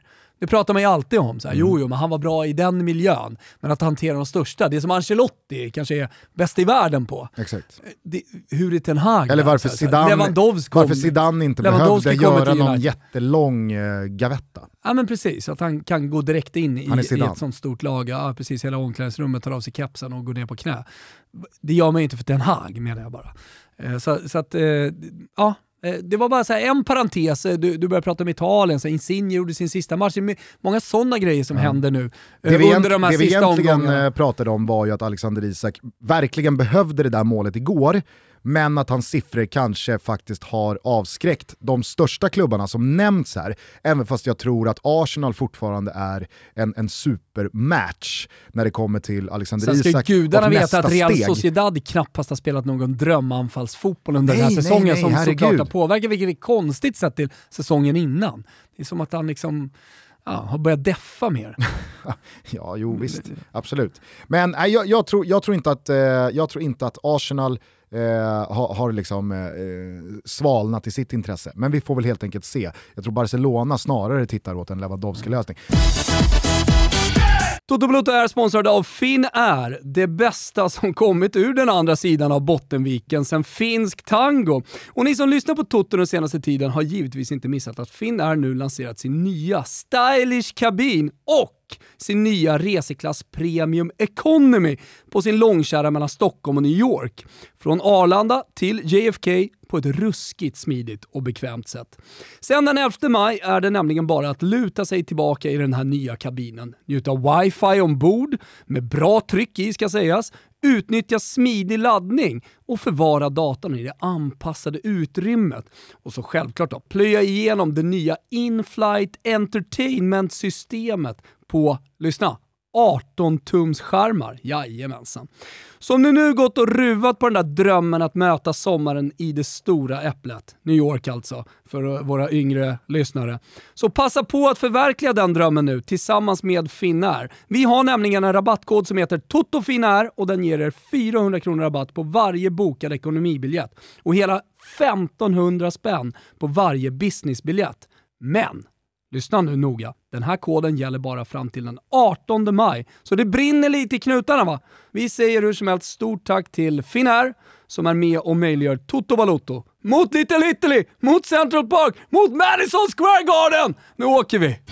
Det stundar mors dag och jag vet hur alla tänker och ska barnen rita teckningar och så vidare. Men ni vill ju toppa detta. Kanske inte köpa trosor till era mammor, men till er partner. Och då är det ju perfekt då att Toto Balotto är sponsrade av Lace Lab och att ni lyssnar på detta. Vad är detta? Jo, det är ett digitalt underklädesbolag som grundades 2018. Det är snygga och väldigt bekväma spetstrosor som kommer direkt hem i brevlådan. Passa på nu inför mors dag. Idén till Lace Laboratory kom egentligen till av den simpla anledningen att eh, tjejerna aldrig var riktigt nöjda med troslådan. Varför ska man behöva rucka på kvalitet, design och pris för att kunna känna sig bekväm och välklädd? Äh, det behöver man inte göra längre, för nu finns ju Lace Laboratory. Målet är att skapa de perfekta trosorna som passar de flesta situationer, tjejer och smaker och som kan köpas till ett rimligt pris med en stark, och det är viktigt, kvinnlig community i ryggen. Skäm nu bort din tjej med Lace Laboratories underkläder. Jag misstänker att alla ni tycker att eh, just din respektive är världens bästa mamma och förtjänar att bli bortskämd med någonting som hon verkligen vill ha på mors dag. Snygga och bekväma trosor från Lace Laboratory. The perfect gift hörni. När du handlar över 400 kronor så får du deras praktiska Lace-väska med på köpet. Det passar perfekt för alla prylar en förälder måste ha med sig till barnen som är på språng. Med koden TB så får man dessutom 20% på hela sajten. Koden är alltså TB. Och glöm inte bort att varje storlek stretchar upp till 150% från sin ursprungliga storlek, så välj den storlek som hon brukar ha och det kommer garanterat bli rätt. Vi säger eh, stort tack till Lace Laboratory som är med i Toto Balotto men som är så generösa som ger 20% till alla våra lyssnare. Men med det så, så skiter vi i, i Spanien. Vi tar oss till Italien då, eftersom du eh, redan eh, gläntade på Insigne-dörren. Är det där du vill börja, eller ska vi börja i Scudetto-racet? Nej, vad fan, vi börjar i Napoli, ja. eh, eller Neapel då, eh, där alltså Lorenzo Det blir ju rätt alldeles oavsett, son... eftersom staden heter Napoli på italienska. Precis, ja, det, var, det var det. Genoa har folk eh, problem med. Precis, eh, och eh, där har vi ju liksom det andra laget som, som också är värda att prata om. Det var, var lite så inject in my veins-bilder på Crescito Han grät igår, Mm. ett slutsignal. Eh, men vi behöver, inte, vi behöver inte gotta oss det. Han är snart tillbaka eh, på eh, Forte Village eh, och eh, njuter av livet. Så att, eh, det, det går ingen nöd på Mimmo. Men eh, stadens son i alla fall, lagkapten Lorenzo Insigne, gjorde ju sin sista hemmamatch på San Paolo, eller då eh, Diego Armando Maradona som den heter sedan eh, något år tillbaka i tiden.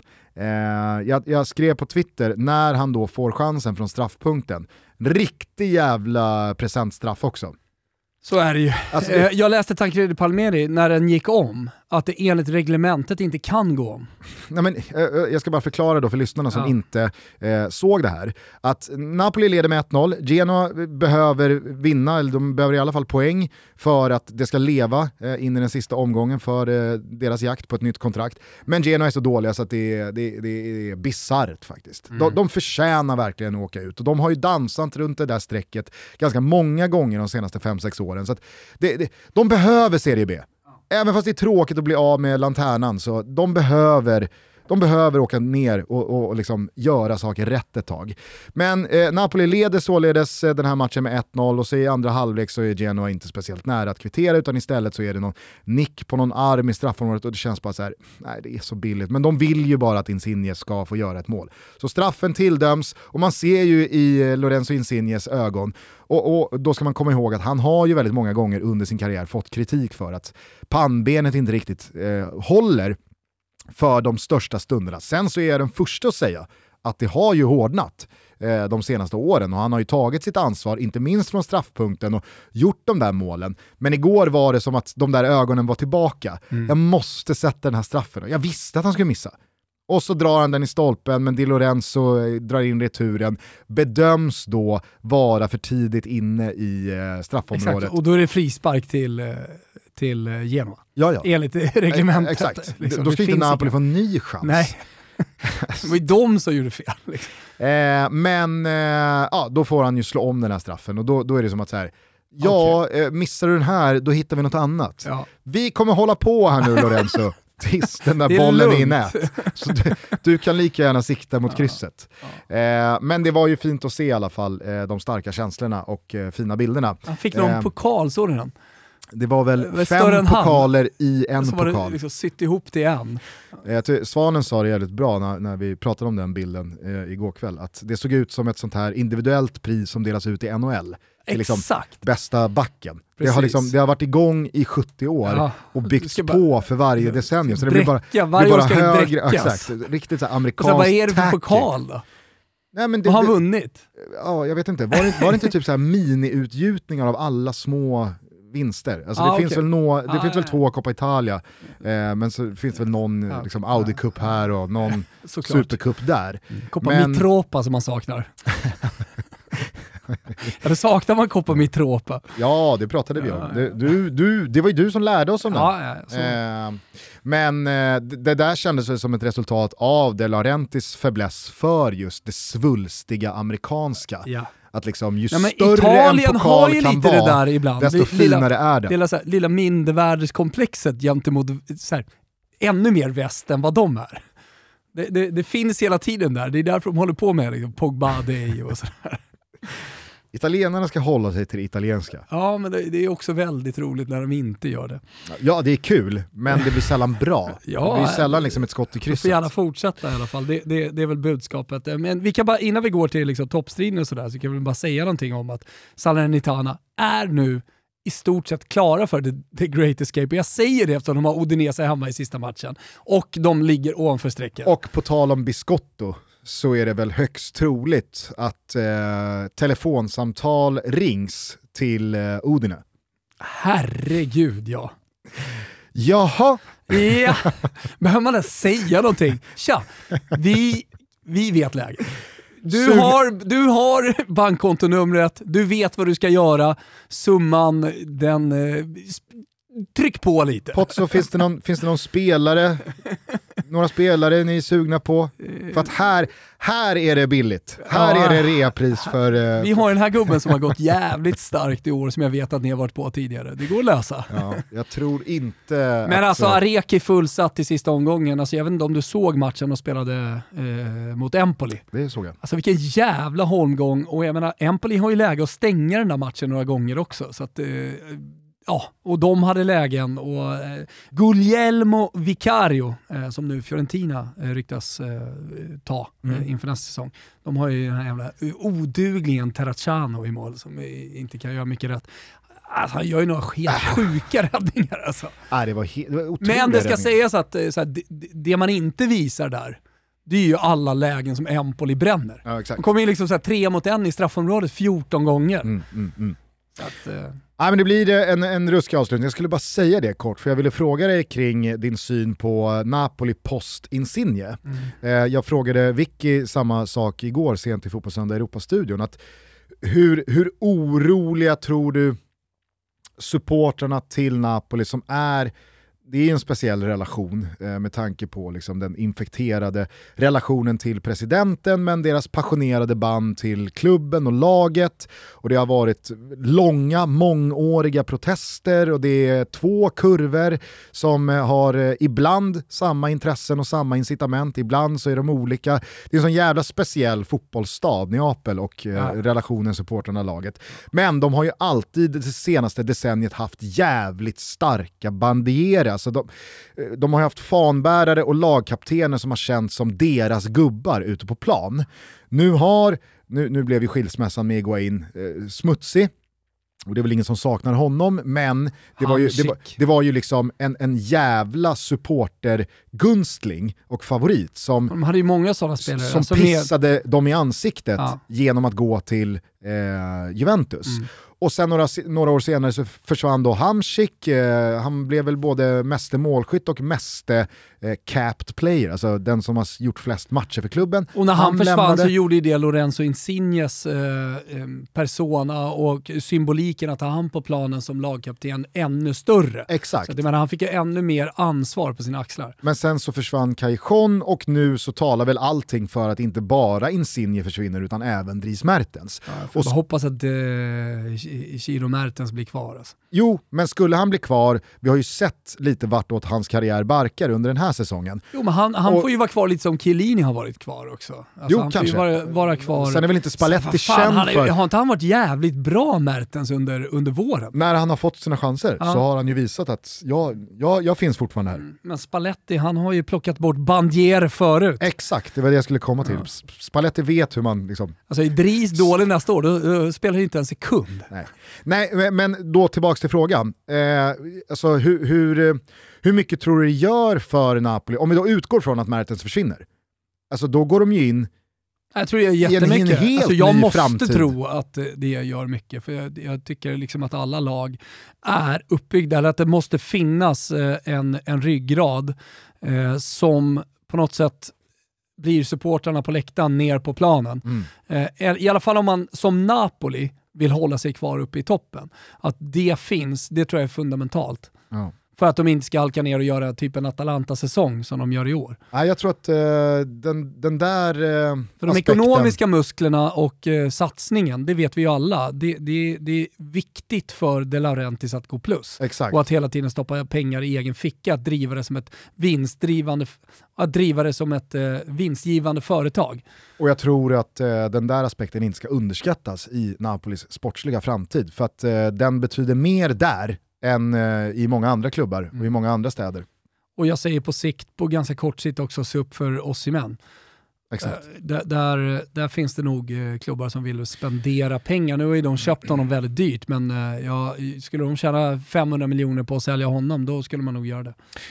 Men var det inte några uppgifter här för något halvår sedan eh, som gjorde gällande att Napoli hade gjort ett jävla superkap? Att det inte alls var några i, 83 ja. miljoner euro, utan snarare typ det. Så här 38 miljoner euro för, för Napoli. Ja, det, rätt. det, får, det kan ha varit ett, ett klipp det där också. Men jag håller ju verkligen med dig i sak. Får De Laurentiis möjligheten att eh, plussa en halv miljard, då plussar han en halv miljard. jag tror inte han gör samma misstag en gång till som med Koulibaly. Nej, nej, nej jag ska ha en och en halv miljard. Han är kvar, Cappadocia han går ingenstans. Men De Laurentiis tror väl fortfarande att liksom, det är en och en halv miljard har jag sagt hela tiden. Ja, men det är som med Belotti i Torino också. Ja. Det, är, det, är, miljarden som nu liksom rimligtvis borde ligga på 20 miljoner euro. Ja. Nu blir det ingenting. Nej, vi hade ju kunnat sålt han där och då för typ 60-70. Det hade ju varit jättebra affär och så hade kunnat fortsätta bygga det, det, det laget eh, och den truppen. Mm. Eh, men eh, nu måste vi till eh, Scudetto-striden som går vidare. Nu återstår det bara ett kapitel, den 38 och sista omgången i och med att båda lagen vann igår. Eh, vilken insats var du mest imponerad av? Eh, Milan på ett sätt. Eh, alltså, eh, jag, jag, tycker att man tar ett steg eh, ytterligare någonstans att vara den här gamla mästarklubben som Milan en gång var genom att man vinner en ganska svår match ändå på hemmaplan. Och den är ju svår ska jag säga då, kanske inte så mycket sportsligt men väldigt, eh, väldigt mycket med pressen på läktarna. Och jag menar så Atalanta är inget dåligt lag, de har mycket att spela för. Uh, jag tycker att Milan har blivit sådär tunga som de en gång var. Mm. Uh, alltså det som jag tycker kännetecknade dem när de leder med 1-0 och bara spelar av den.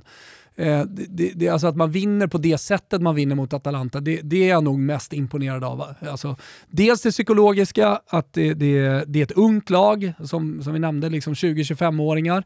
Här byggs mästare, här byggs mästare för en kommande generation. och hur bygger man vinnare? Genom att vinna. Det finns inget bättre sätt än att bygga vinnare genom att vinna. Eh, och Det gör man och där tar man ytterligare ett kliv. Att man visar att man pallar trycket från eh, det man vet om, 200 000 som vill köpa biljett fullsatt, eh, miljoner och åter miljoner som sitter runt om i världen och håller på Milan inför den här matchen. Eh, så med, med de förutsättningarna så tycker jag att det är det, det, är ballt att se att Milan faktiskt på riktigt är tillbaka och kommer vara med och slåss om scudetton. Och, ja, som det verkar de kommande åren om ingenting konstigt händer. Maldini är också ung, Maldini har hittat rätt in i hela den här spo moderna sportchefsvärlden och eh, jag tycker också man gör, man, man, man tar väldigt mycket rätt beslut, eh, eh, inte bara kring truppen men, men kring framtiden. Jag tror inte heller man ska underskatta vad en titel kan göra också i eh, möjligheten att locka till sig nästa nivå av Nej, spelare. Ja, men nu, nu börjar man faktiskt även från Milans håll att kunna kika på eh, det, det, det, yttersta, översta facket av spelare. Ja. Och, eh, rent ekonomiskt med fonder och hit och dit och pengar, jag tror att det kommer vara möjligt. Sett till också vad Milan ändå har spenderat i den här lite märkliga konstellationen. Eh, och alltså så här, när man gjorde hela Atalanta-satsningen med Frankesi, eh, som, som var väl ändå liksom kronjuvelen när man värvade, och den spelaren som fan, föll bäst ut, så, så har, ju, har man ju faktiskt hela tiden lagt ganska stora pengar. Mm. Man har legat, visserligen bakom Juventus, men, men det har funnits krut och det kommer det definitivt finnas efter, efter den här segern. Och eh, det, ja, exakt vilka spelare de kommer gå efter, det, det återstår väl att se. Men, men jag tror att man, man i alla fall kan börja kika på den översta hyllan. Kanske inte Lewandowski, men precis bakom. Jag var jävligt imponerad av eh, Milan igår, inte bara för att eh, det som alltid eh, har varit svårare att bli jagad än att jaga och hela tiden veta att liksom, vi, vi ska göra vårt. Det finns en, en hungrig chef där bakom som kommer göra sitt. Och att då stå pall för det, men också med de förutsättningarna som var. Man behövde fyra poäng de sista omgångarna eh, och att det är Atalanta på andra sidan som jagar Europaspel. Då är ju en poäng inte att underskatta. Den kan man ju faktiskt ta och så räcker det med att man slår Sassuolo i sista matchen. Mm. Således tycker jag att det var imponerande av Milan efter ett ganska liksom chansfattigt ställningskrig i första halvlek, gå ut i den andra halvleken och gå för segern på ett helt annat sätt än vad man gjorde i den första halvleken. Mm. Så jag tycker till slut att man vinner klart eh, och rättvist. Jag tycker också att eh, Rafael Leao eh, gör liksom ännu ett sånt där mål som påminner oss om att han har varit Milans genomgående bästa spelare hela säsongen. Och jag tycker det var kul att Theo Hernandez efter en lite sämre period på ett individuellt plan, alltså där han inte har gjort de här håll käften-insatserna individuellt och där han och Han Leao... har blivit bättre defensivt ska jag säga. Absolut, men han och Leao hade ju en helt otrolig höst i sitt liksom, partnerskap på den där vänsterkanten. Det har man inte sett lika mycket av. Mardrömsmotståndare, speciellt om du är ytterback och inte jättesnabb. Ja. Alltså vilka lekstugor de har haft under året. Men att han får göra ett sånt där mål som får alla att eh, nämna och minnas George Weahs eh, liknande soloräd för 25 år sedan. Och som jag sa i svepet, slutar det I här en nu... sån match också. Ja, slutar det här nu med en Serie A-titel så vet man ju att det där målet kommer vevas. Jag kommer se det där målet det eh, när jag är 60 år gammal. Ja. Ja, här är ju, det här är ju Theo Hernandez klassiska scudetto-mål från säsongen 21-22. När han inför fullsatta läktare bara satte av från eget straffområde och eh, stängde butiken och gjorde 2-0 mot Atalanta. Eh, så att, jag, det, var, det var väldigt mycket som imponerade med, eh, med Milan igår och deras seger. Dock tyckte jag att det var, jag tyckte det var trist. Jag fattar att man inte slänger in Zlatan om inte han är i, i liksom fysiskt slag. Eh, om, man, om man inte verkligen behöver honom. Nej. Men när det står 2-0 och det är tre minuter kvar, Mm. byt in honom. Kan man inte bara släppa på honom för att släppa på honom? Mm. Ja, det tycker jag också. Och jag funderade på att ja, men det kanske är någonting som gör att han inte kan spela. Det, det måste ju vara det. Ja. Det måste vara Ja, det. annars kommer han in där. Det fanns ju noll stämning som påminde om att det kunde vara Zlatans sista match på San Siro. Det fanns ju noll antydningar till att det här är sista matchen för Zlatan på San Siro. Han kan inte ånga på. Det, det, det går inte. Jag tror han kan det. Ja. Ja. Eh, nu räcker det i alla fall en poäng för Milan i den sista omgången borta mot Sassuolo. Det är dock en uppgift som eh, det absolut går att bygga upp som läskig. För jävlar vad Sassuolo kör. Jag vet, men det är också Scamacca och- ena matchen kör, andra matchen... Ja. Och jag menar, Och här kan det jag menar också- samtal Det kommer också ringas ett samtal. Det, det, Alltså, jag vet inte om du... Om du mellan rader mail kommer skickas. mm. Alltså Sassuolo är ju lite, lite av Avesta i Sverige. Oj. Eller Alvesta? Avesta. Det är Avesta, eller hur? Mm. Det är en knutpunkt. Alltså om du ska liksom norr Det sen... är verkligen Avesta en knutpunkt. Men alla tåg kommer ju dit och sen så från Avesta liksom, så åker du höger, vänster, upp och ner. Alltså, du stannar ju alltid i Avesta på något sätt. Och, liksom, eh, Mapei Arena ligger ju så pass... Eh, alltså, tanken när man byggde Mapei Arena var ju att det skulle vara en en eh, multiarena eh, som man kan ha konserter och allt möjligt på och tjäna en jävla massa pengar. Han var inte dum, så han la den ju liksom bredvid motorvägar och det är väldigt lätt att ta sig med tåg och, och sådär. Eh, Så du kommer ju få se en ESO då, som man säger i Italien, alltså en riktig massflykt från eh, Milano och alltså, milanister runt om i hela Italien kommer ju på, nå- på ett eller annat sätt ta sig till Sassuolo för att sen ta sig vidare upp till eh, Milano och förhoppningsvis då fira den där scudetton. Mm. Kommer vara, och du, du vet ju Sassuolo, det, så de, de ger ju bort sina biljetter om någon frågar. Ja, liksom, ja, säljer ja, de inte ens. Kommer de milanister, ja, jag bryr mig ändå inte så mycket. Eh, men eh, så, så det, det, det, kommer ju vara, det kommer ju vara rödsvart på hela den arenan. Frågan om du tar över även hemmasektionen i den här matchen. Ah. Nej, men så, så lär det väl Men bli. som du säger, så här, ja, man, man är rädd för Sassuolo. Jo, men kommer man, var det här då sista prestationen man gjorde? Jag vet inte. Scamacca är ju vansinnigt bra, Berardi är otrolig. Och det är väl lite så att man, man brukar ju säga att alltså, insatser med mål och assist och så vidare stärker spelares aktier att eh, kunna gå till den klubben. Det har ju viskats lite om Milan kring Berardi.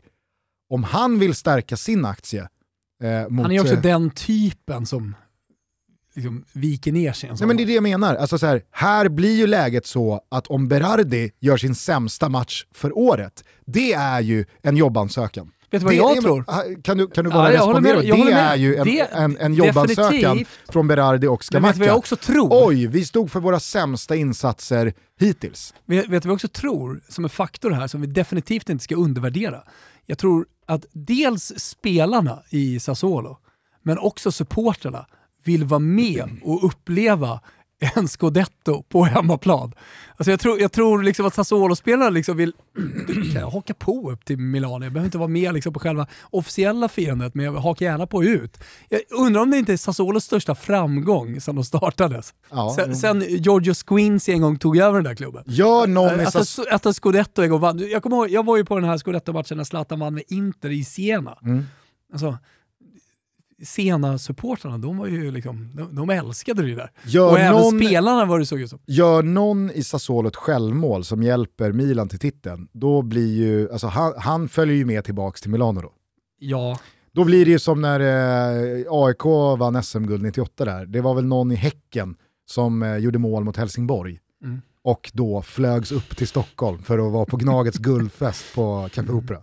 nu för tiden så är den Älskar moderna han versionen är att man ja. börjar swisha också, alltså från supporterhåll. Ja, verkligen. Ja. verkligen. Det, jag, jag, vet att Spanien har någon swish-historia, jag är osäker på om, jag tror inte Italien har swish. Luktar inte starkt självmål eh, Chirikes. Jo, det gör det. Bilder på Vlad Chirikes på Där Milans scudetto-fest Ja, ser man ju framför sig. Eh, Då är vi i Hollywood. Eh, eh, ska vi säga någonting om Inters seger eller konstaterar vi bara att Nej, Lautaro. Martinez steppar ju upp. ja. Eh, jag tycker att Inter, även fast eh, man levde lite farligt i mitten på andra halvlek där när det bara är en uddamålsledning. Men det tycker jag ändå Eh, var trevligt i matchen, att, att den fick leva under de minuterna, att det var lite dramatiskt. Eh, jag tycker att eh, Simone Inzaghi eh, ger sig själv lite upprättelse med sina byten. Han står på sig, han plockar av Barella, han ser vart... Såg du eh, Barella också? Han var inte glad. Nej, han var inte glad, men eh, vad, vad, vad hände? Det, det tätades till lite Mm. defensivt och Gagliardini kommer fram och, och spelar fram Lautaro till stängningen. Så att, eh, Lautaro når ju den här siffran som alla målskyttar vill nå, alltså 20 plus mål, gör 21. Mm. Så det, det är en otrolig säsong. och då ska vi komma sida. ihåg att Lautaro Martinez hade en ruskigt lång måltorka. Ja, han, han har verkligen bekräftat sig som, som en världsanfallare. Så att, nej, jag tycker att eh, man får applådera Inter här också, eh, som, eh, som imponerar och gör sitt i en eh, väldigt svår bortamatch med tanke på, ja alltså 15 plus 13, det 28. är sinnessjukt. Alltså. Det är helt otroligt. Så att, alltså, det Det är var ju Chirucci Immobile som gjort fler poäng. ja. 27 plus 2. Mm. Snyggt. Nej, det är faktiskt helt sjukt. Men eh, när jag kollade in skytteligan igår, Mm. det som är helt otroligt i att Milan nu är en poäng ifrån scudetton, det är att deras bästa målskytt är Rafael Leao som har gjort 11 mål. Mm. Sju. Alltså Milans bästa målskytt har Det 15, känns som har Leao 15 har gjort 20. spelare framför sig i skytteligan. En spelare i serieledande Milan har gjort tvåsiffrigt antal mål. Jag, jag, jag kan inte... Jag kan inte för mitt liv... Zlatan tvåa på den. Ja, ja. 8 plus 3. Alltså det, Han ska inte glömmas bort, den här nej, scudetton absolut. och hans, hans säger, insatser på planen. Jag kan inte minnas, jag tror, det, det kan aldrig ha hänt, att ett lag i de stora ligorna ute i Europa har vunnit titeln med en så jävla risig målskyttsmålskörd. Inter slaktar sista omgången, det står 1-1, Berardi har gjort mål, Zlatan kommer in, gör mål i 89 Känn, Nej, då, känn lite då, lätt går- på då den. går, Känn lite lätt på det, då går jag upp i atomer alltså. Ja. Inte för att jag håller på något sätt på Milan i den här omgången, utan vem som helst får fan vinna. Bäst, lo, må bästa lag vinna, men ändå. Det blir en ruskig jävla avslutning. Ni eh, följer såklart dramatiken i Fotbollssöndag Europa, men jag tror faktiskt fortfarande, klockan är eh, kvart i tolv måndag, att det ännu inte har kommunicerats exakta klockslag Nej. för vad som gäller på söndag, eh, utan det är fortfarande 15.00 över hela banan som är sagt. Det kan ändras, vi får se. Ni missar ingenting genom att eh, följa oss på sociala medier eller lyssna Lyssna vidare på Toto Balotto.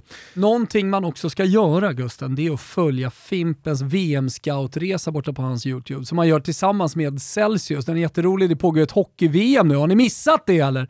Eh, så kolla in när Fimpen är VM-scout i Tammerfors. Eh, det är ganska roligt. Så kan ni också, samtidigt som ni gör det, fundera på vilken som är er favoritsmak egentligen. Just nu, jag tror att det där går lite i vågor. Just nu så är kiwi lime inför sommaren stigit väldigt mycket på mig. Men jag skulle nog ändå i slutändan säga den sicilianska smaken blood orange. Ja, det är nog ändå favoriten för att eh, pigga upp dagen. Underbart! Hörru, vi är långa eh, så att eh, jag får eh, speeda på lite men eh, vi kan liksom inte lämna det här avsnittet utan att beröra det som skedde i England. Eh, vilken jävla choke det höll på att bli från Manchester City. 对 Nu eh, löser man ju den poängen som gör att det, det spelar ingen roll vad. Liverpool gör så länge man slår Aston Villa i den sista omgången. Eh, så det är ju fortfarande väldigt, väldigt mycket matchboll eh, Manchester City. Eh, däremot så tycker jag att eh, det, det, det ska eh, nämnas då, eftersom vi pratade Insignes sista hemmamatch här, att Mark Noble också tackar för sig efter 18 år i West Ham. Det är ju en personlig favorit, min och David Fjälls favoritspelare. Så att, det var fint, jag, jag kollade faktiskt hela ceremonin i, i natt när jag kom hem efter jobbet, eh, när han gick ut med barnen där och höll tal och Mm. hade tårar i ögonen och var, var värdig. Han var värdig. Mm. Eh, men det delades ju ut eh, ytterligare en buckla då i England i lördags på Wembley. Liverpool slog Chelsea efter straffar i fa Cup-finalen. Det var eh, chansrikt, det var jämnt, det var svängigt, det var underhållande. Mot slutet var det rejält jävla tröttkört. Tänk, alltså, såg, Ja, du, såg ja. du förlängningen? Ja. Det var som att det var sirap Nej. i benen på båda det fanns lagen. Så här, ingenting kvar. Vi orkar inte. Det är över. Vi orkar liksom. inte spela- orkar inte spela mer straffar fotboll. för fan. Eh, sen så är det ju, eh, alltså, det, det finns ju alltid när det är eh, straffsparksläggning och i synnerhet mellan de här två lagen, minst bara ligacupfinalen med Kepa inbytt igen och så vidare. Eh, hur många lager som helst och individuella öden och historier att berätta. Här är det ju då Sadio Mané som har chansen att då fylla på sin... Lika säker på att han skulle missa den straffen som jag var varje gång Håkan Mild eller Claes Ingesson skulle skjuta straffar. Klas Ingesson, Jajamän, samma där. att han skulle missa. Ja. Det var så jag kände. Ja, okay. Mm. ja. Håkan Mild kan jag ju köpa. Efter. Ja, Håkan Mild var ju, det, det, det, där visste Boom man ju. varje ja, gång. Ja, ja. Jaha, nu ska han fram och missa. Undrar när Darijan Bojanic slår en straff igen, Ja, som nej, betyder någonting dröja. för Ja, Bayern. får dröja. Ja. Nej, men Mané missar ju där mot då landslagsmålvakten, kollegan eh, eh, Mondi, Ja. eh, som har vunnit, alltså de vann ju Afcon ihop och de avancerade till VM ihop och nu står de på varsin sida om den där straffpunkten i en fa Cup-final. Alltså det var så jävla liksom laddat. Vilken noll betydelse dock så att det spelar ingen roll. Nej exakt, och det, och det var ju liksom, det, det syntes ju på Mané att Ja. Den kulan duckade man. så, är- det såklart. Simikas får ju gå fram och sätta sin prägel på den här eh, titelstreaken. Sen återstår det väl att se om det blir två, tre eller fyra bucklor för Liverpool.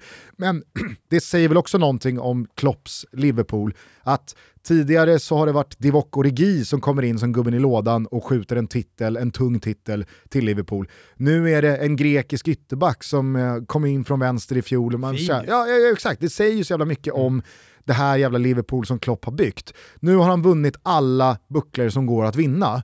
Och med det här eh, kontraktet som förlängdes nyligen, med historien som finns med ja, men, både eh, Bill Shankly och Bob Paisley och Kenny Dalglish och alltså, den här enorma historiken som Liverpool som klubb sitter inne på.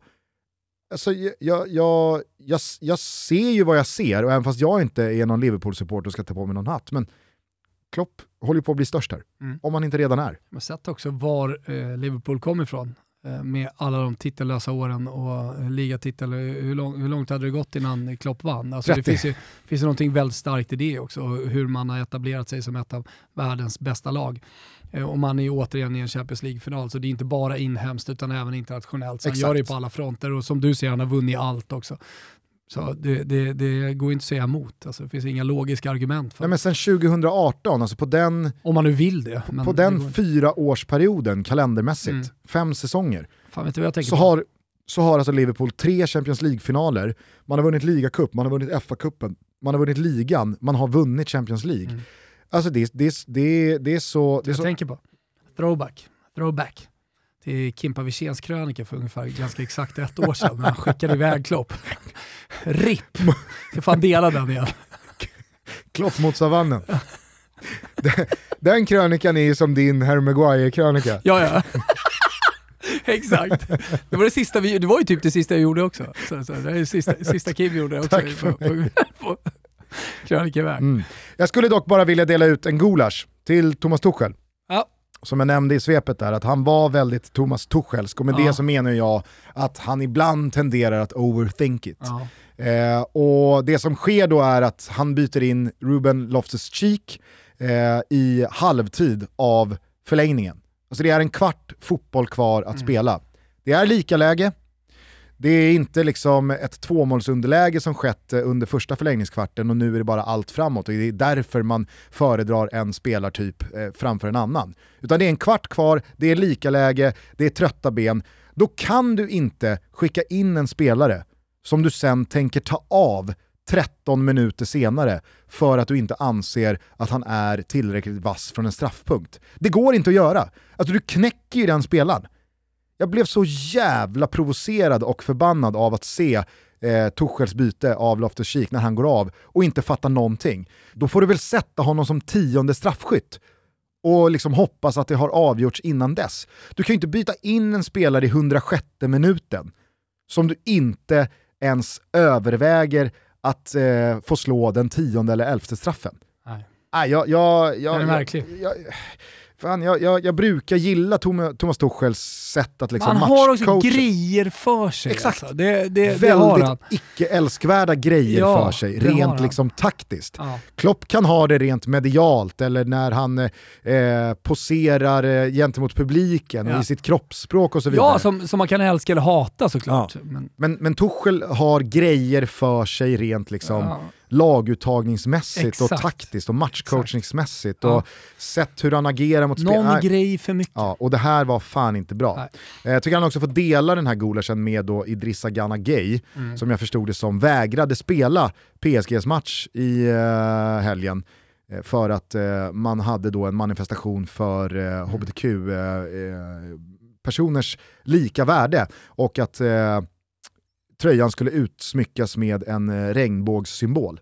Då vägrade Gana Gay eh, Jaha. spela. Okej. Så att, eh, han kan ju dra åt helvete. Ja, det kan han jag. också. Ja, han skickar vi rätt åt helvete. Jag vet inte om Eller ska dra åt helvete. nej det ska han inte. Nej, han har bara grejer för sig som vi, Tuchel har osköna grejer för sig, han får noterat lite att har gulasch och jag hoppas Ja. att Loftus Cheek har pannbenet för att han har ju haft en ganska jobbig Mm. Chelsea-session med utlån och velat ha den där chansen och han har, han har försökt ta den och han har ibland tagit den. Och, alltså, men det är Chelsea vi pratar om, det är är inte så jävla lätt att ta en tröja där. nej. Men jag hoppas att det här inte innebär att eh, Loftus Cheek liksom återigen får se sig om efter typ Nej. Watford nästa Nej, säsong. det, det får vi verkligen hoppas. Eh, så med det sagt då så kan vi väl börja avrunda. Eh, det är dags va? Vi är 80 minuter långa här Ja, eh, om lite Uff. drygt, så att, Oj, oj, oj. eh, Det, det, det är dags. Då tycker jag att vi kan avsluta den här episoden med eh, familjens Malmöstad. Mhm. Eh, så kan eh, de himmelsblå känna att vi i alla fall har koll på vissa bitar. När, när, inte, när inte namnen som eh, MFF representeras av i eh, villkorstrappsfrågor kommer som rinnande vatten. Ni får ursäkta. Det är många jävla bollar som ska hållas i luften i Toto Balutto. Mm. Avslutningsvis, nu frågar jag dig. Mm. Ska jag kika på att du och jag och Kimpen rullar ner till Hamburg måndag? Ja, gör det. För det är kval här nu mot Hertha. Ja. Det börjar i Berlin på torsdag. Mm.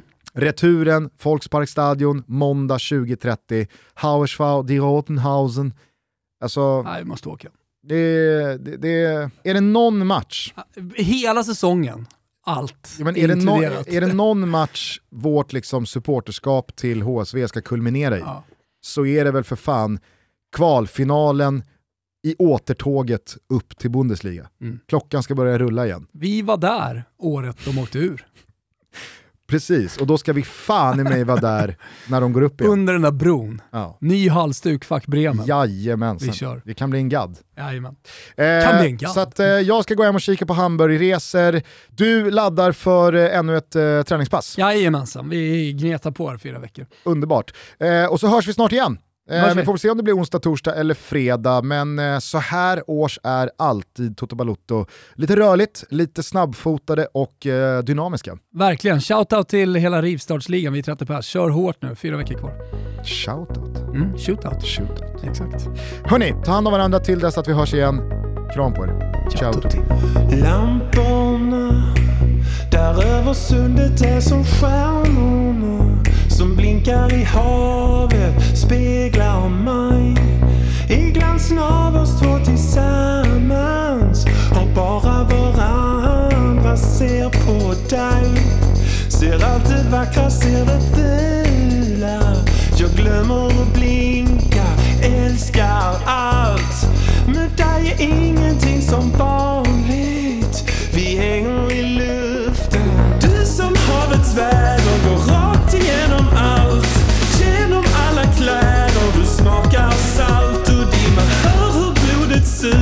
some feet.